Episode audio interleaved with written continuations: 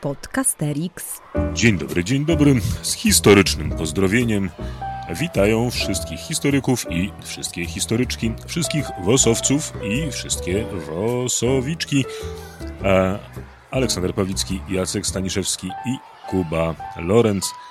Nauczyciele, którzy zjawiają się w Państwa domach i w Państwa telefonach w kolejnym odcinku Podcasterixu lub Podcasterixa, jak kto woli.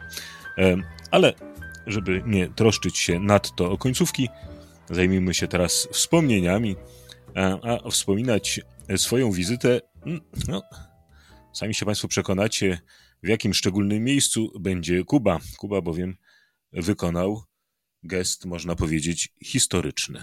Ech, myślałem, że powiesz, że wykonałem gest patriotyczny. No, ja byłem w zeszłym tygodniu z moimi uczniami w muzeum. Tak stwierdziłem, że e, wezmę za dobrą monetę e, zapisy podstawy programowej i, no i poszedłem na wycieczkę do Muzeum Piłsudskiego w Sulejówku. E, marszałka Józefa Piłsudskiego w Sulejówku. Podkreślmy, poszedł. Mm, po, po, znaczy, nie, po, pojechałem kolejką, mhm. ale nie jechałem mostem Poniatowskiego ale uczniowie wyjechali, przynajmniej część z nich mostem. Nie, jechaliśmy średnicowym tak naprawdę. To, ale to widzieliśmy most Poniatowskiego z okien naszego pociągu, ale nie o tym, nie o tym. Chciałem poważnie powiedzieć. Wysiadłeś e... z WKD na przystanku muzeum.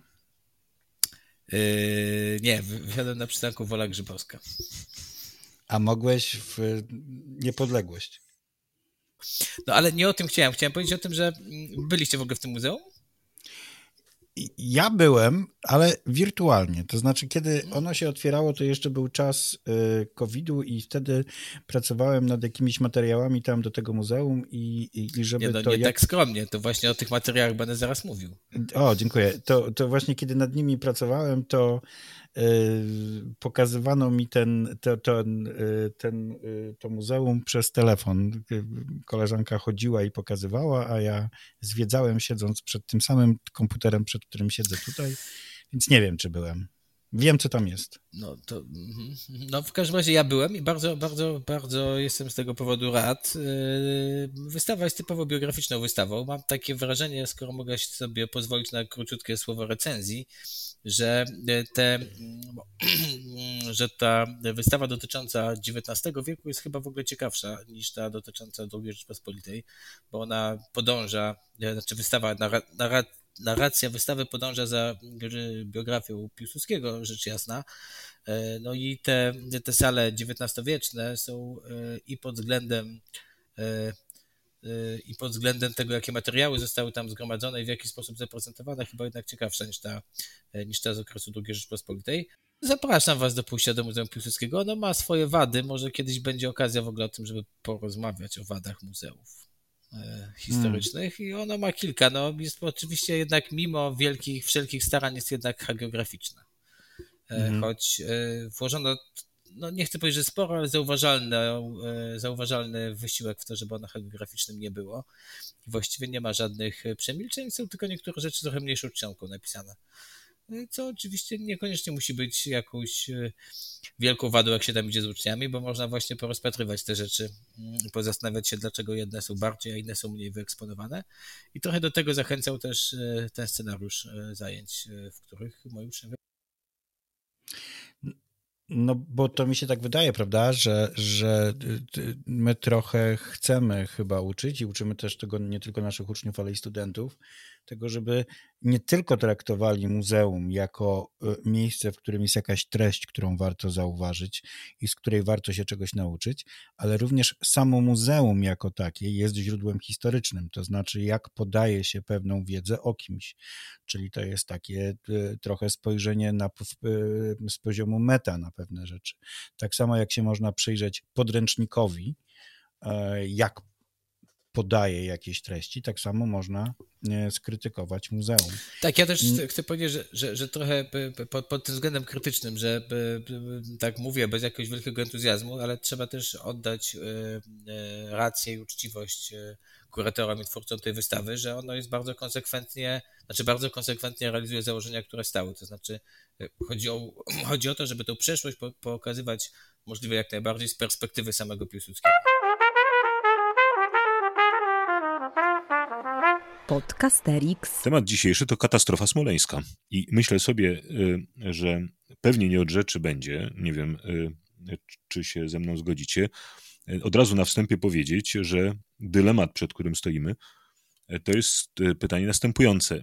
Jak mianowicie poprowadzić zajęcia o wydarzeniu, którego przebieg i okoliczności w zasadzie dobrze znamy, Natomiast wiemy też, że pojawia się alternatywna koncepcja, koncepcja spiskowa, mówiąca o tym, że w Smoleńsku doszło do zamachu. Co więcej, jest to koncepcja, e, która nie jest koncepcją kompletnie marginalną. Można domniemywać, że podziela ją jakaś część e, społeczeństwa, a jakaś inna część społeczeństwa przynajmniej jej nie wyklucza. No i e, jak z tym fantem ma postąpić nauczyciel historii, który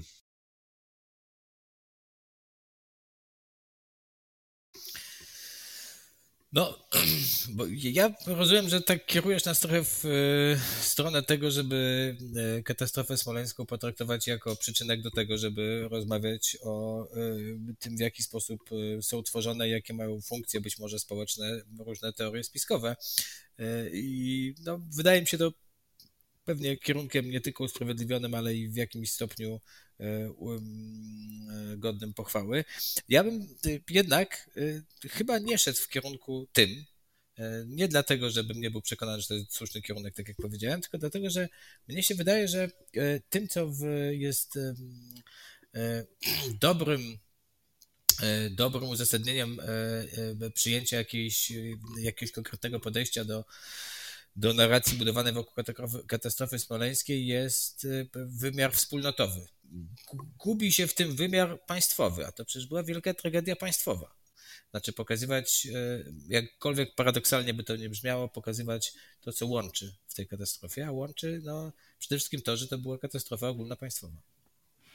No to nie, nie, nie. To ja zupełnie nie w tą stronę bym poszedł jak Kuba. Ja bym tutaj chyba niczego nie, nie udawał. Znaczy, nie mówię, że ty udajesz, ale ja bym nie szedł w taką historię. Nie, no ja chcę nową narrację na temat katastrofy No ale ty, ty sam chciałbyś coś narzucić, tak? To znaczy chciałbyś y, naszym uczniom narzucić to, że tak naprawdę y, katastrofa smoleńska spowodowała między innymi to, że się naród zjednoczył. No nie zjednoczył się, no może zjednoczył się przez pierwsze trzy tygodnie. Nie, ja chcę pokazać, że to może być coś, co jednoczy, a nie dzieli. To chcę powiedzieć. Nie chcę, ale nie chcę mówić, że to jednoczy. jednoczy. No, no, no nie, no, no Kuba, no ale gdzie Ja się z tym nie jednoczy? zgadzam, że niesłusznie dzieli. Znaczy w sensie, no dzieli słusznie, bo tak została obudowana e, politycznie, ale potencjał e, jednoczący katastrofy smoleńskiej, to przypomnijcie sobie na świeże, jakie były komentarze bezpośrednio po katastrofie. No ale dobrze, to warto je, warto je pokazać.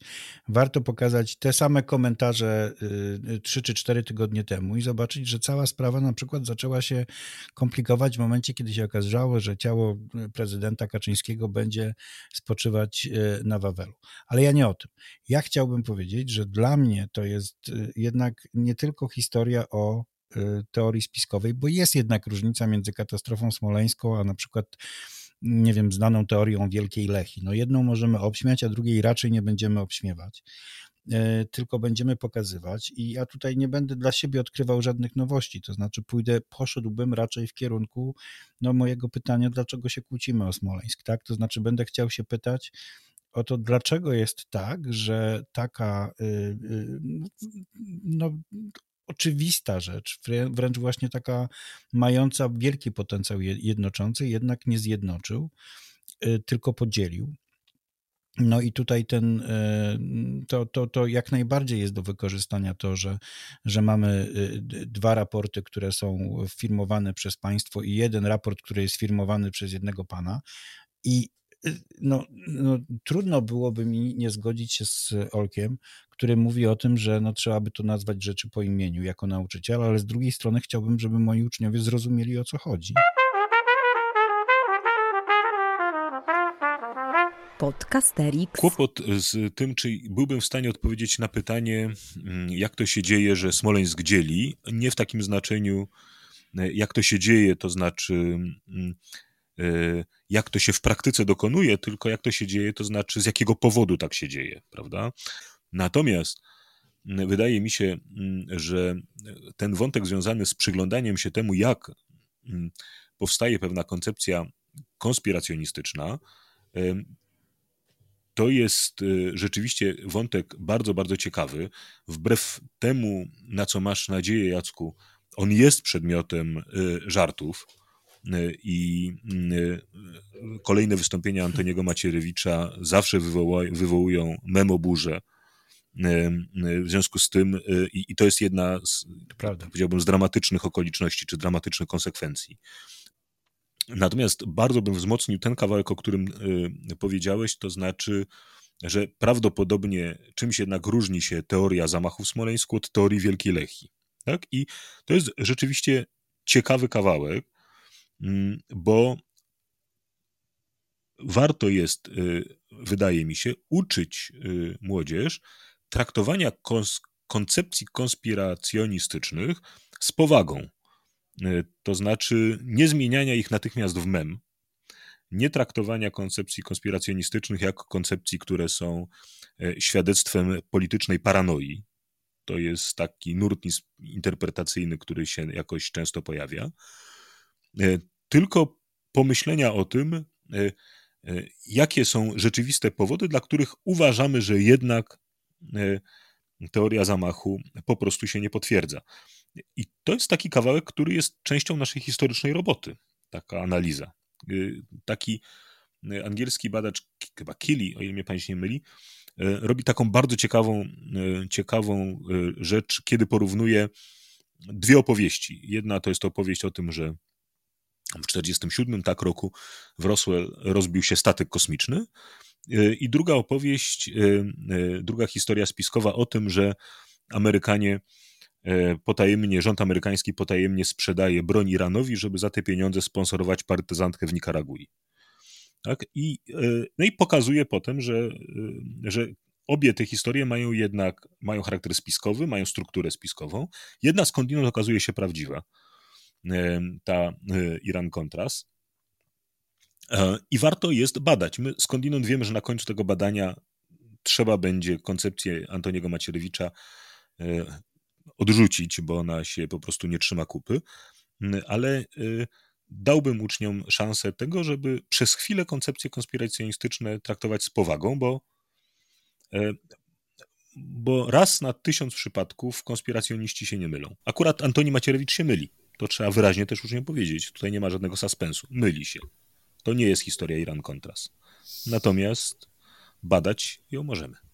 To ja tylko jeszcze króciutko chciałbym powiedzieć o tym dzieleniu i łączeniu. Nie potwierdziliście tego wątku, ale spójrzcie, jak ja bym na przykład założył, że moich uczniów ten Smoleńsk dzieli, to chyba popełniłbym błąd, bo na przykład środowisko, w którym ja pracuję, jest raczej takim środowiskiem, w którym ten Smoleńsk łączy. To znaczy wszyscy dochodzą bardzo łatwo i bez głębszej analizy e, jakiegokolwiek raportu do tego, że jednak e, Smoleńsk nie był e, zamachem. I to jest nie, Kuba, on nie łączy. On łączy dokładnie tak samo, jak łączy, nie wiem, y, jak łączy fanów filmu Smoleńsk. Są tacy, którzy go lubią, są tacy, którzy wieszają na nim psy. No. Nie, ale Smoleńsk łączy, katastrofa w Smoleńsku łączy, y, w takim samym stopniu łączy zwolenników y, teorii o zamachu, jak i jej przeciwników. Znaczy, no to jest rozumieć na innym poziomie. Ja nie mam, ja nie mam takiego wrażenia, żebyśmy coś nauczycielom powiedzieli, takiego, czego oni, znaczy może by i nie, znaczy wiedzieli, ale chodzi mi o to, czy daliśmy im tak naprawdę trzy drogi, tak? To znaczy, każdy z nas dał jakąś swoją odpowiedź na to pytanie. Żadna z nich oczywiście y, nie podąża za y, tym, co chciałby od nas marszałek, Boże, minister Antoni. E, natomiast mam wrażenie, że jest to temat, który jest bardzo cały czas w szkole niebezpieczny i, i on jest nie tylko niebezpieczny dlatego, że jednak jakiś nauczyciel powie, że Macierewicz ma rację, tylko dlatego, że y, większość z nauczycieli, w co jestem, jest, wierzę w to, nie wierzę w, w teorię Macierewicza, natomiast jest w stanie to obśmiać. I ja się tutaj zgadzam, że to nie jest kwestia do obśmiania. Znaczy, to jest bardzo poważna rzecz, którą trzeba po prostu pokazać, jak można manipulować pewnymi rzeczami, nawet wbrew zdrowemu rozsądkowi. To właściwie chyba stawiamy trzy krop, wielokropek, a nie Tak. kropek. Ale nie nad tym, że z tym tematem zmierzyć się trzeba. Tego chyba jesteśmy pewni. Nie, za tym stawiamy wykrzyknik. To był Podcasterix. Wysłuchali Państwo kolejnego odcinka podcastu Trzech Nauczycieli Historii, którzy lubią sobie pogadać o swojej pracy, bo ją po prostu uwielbiają. Tych trzech jegomości to Kuba z charakterystycznym R, Olek z charakterystycznym głosem i Jacek, który czuwał nad nagraniem i montażem. Podcast przygotowano dzięki wsparciu Szkoły Edukacji Polsko-Amerykańskiej Fundacji Wolności i Uniwersytetu Warszawskiego, w której cała trójka pracuje. Więcej informacji na stronie szkolaedukacji.pl. W czołówce wykorzystano dźwięki na wolnych licencjach, a głosu użyczyłam ja, czyli Adriana Bąkowska. Zapraszamy na kolejny odcinek.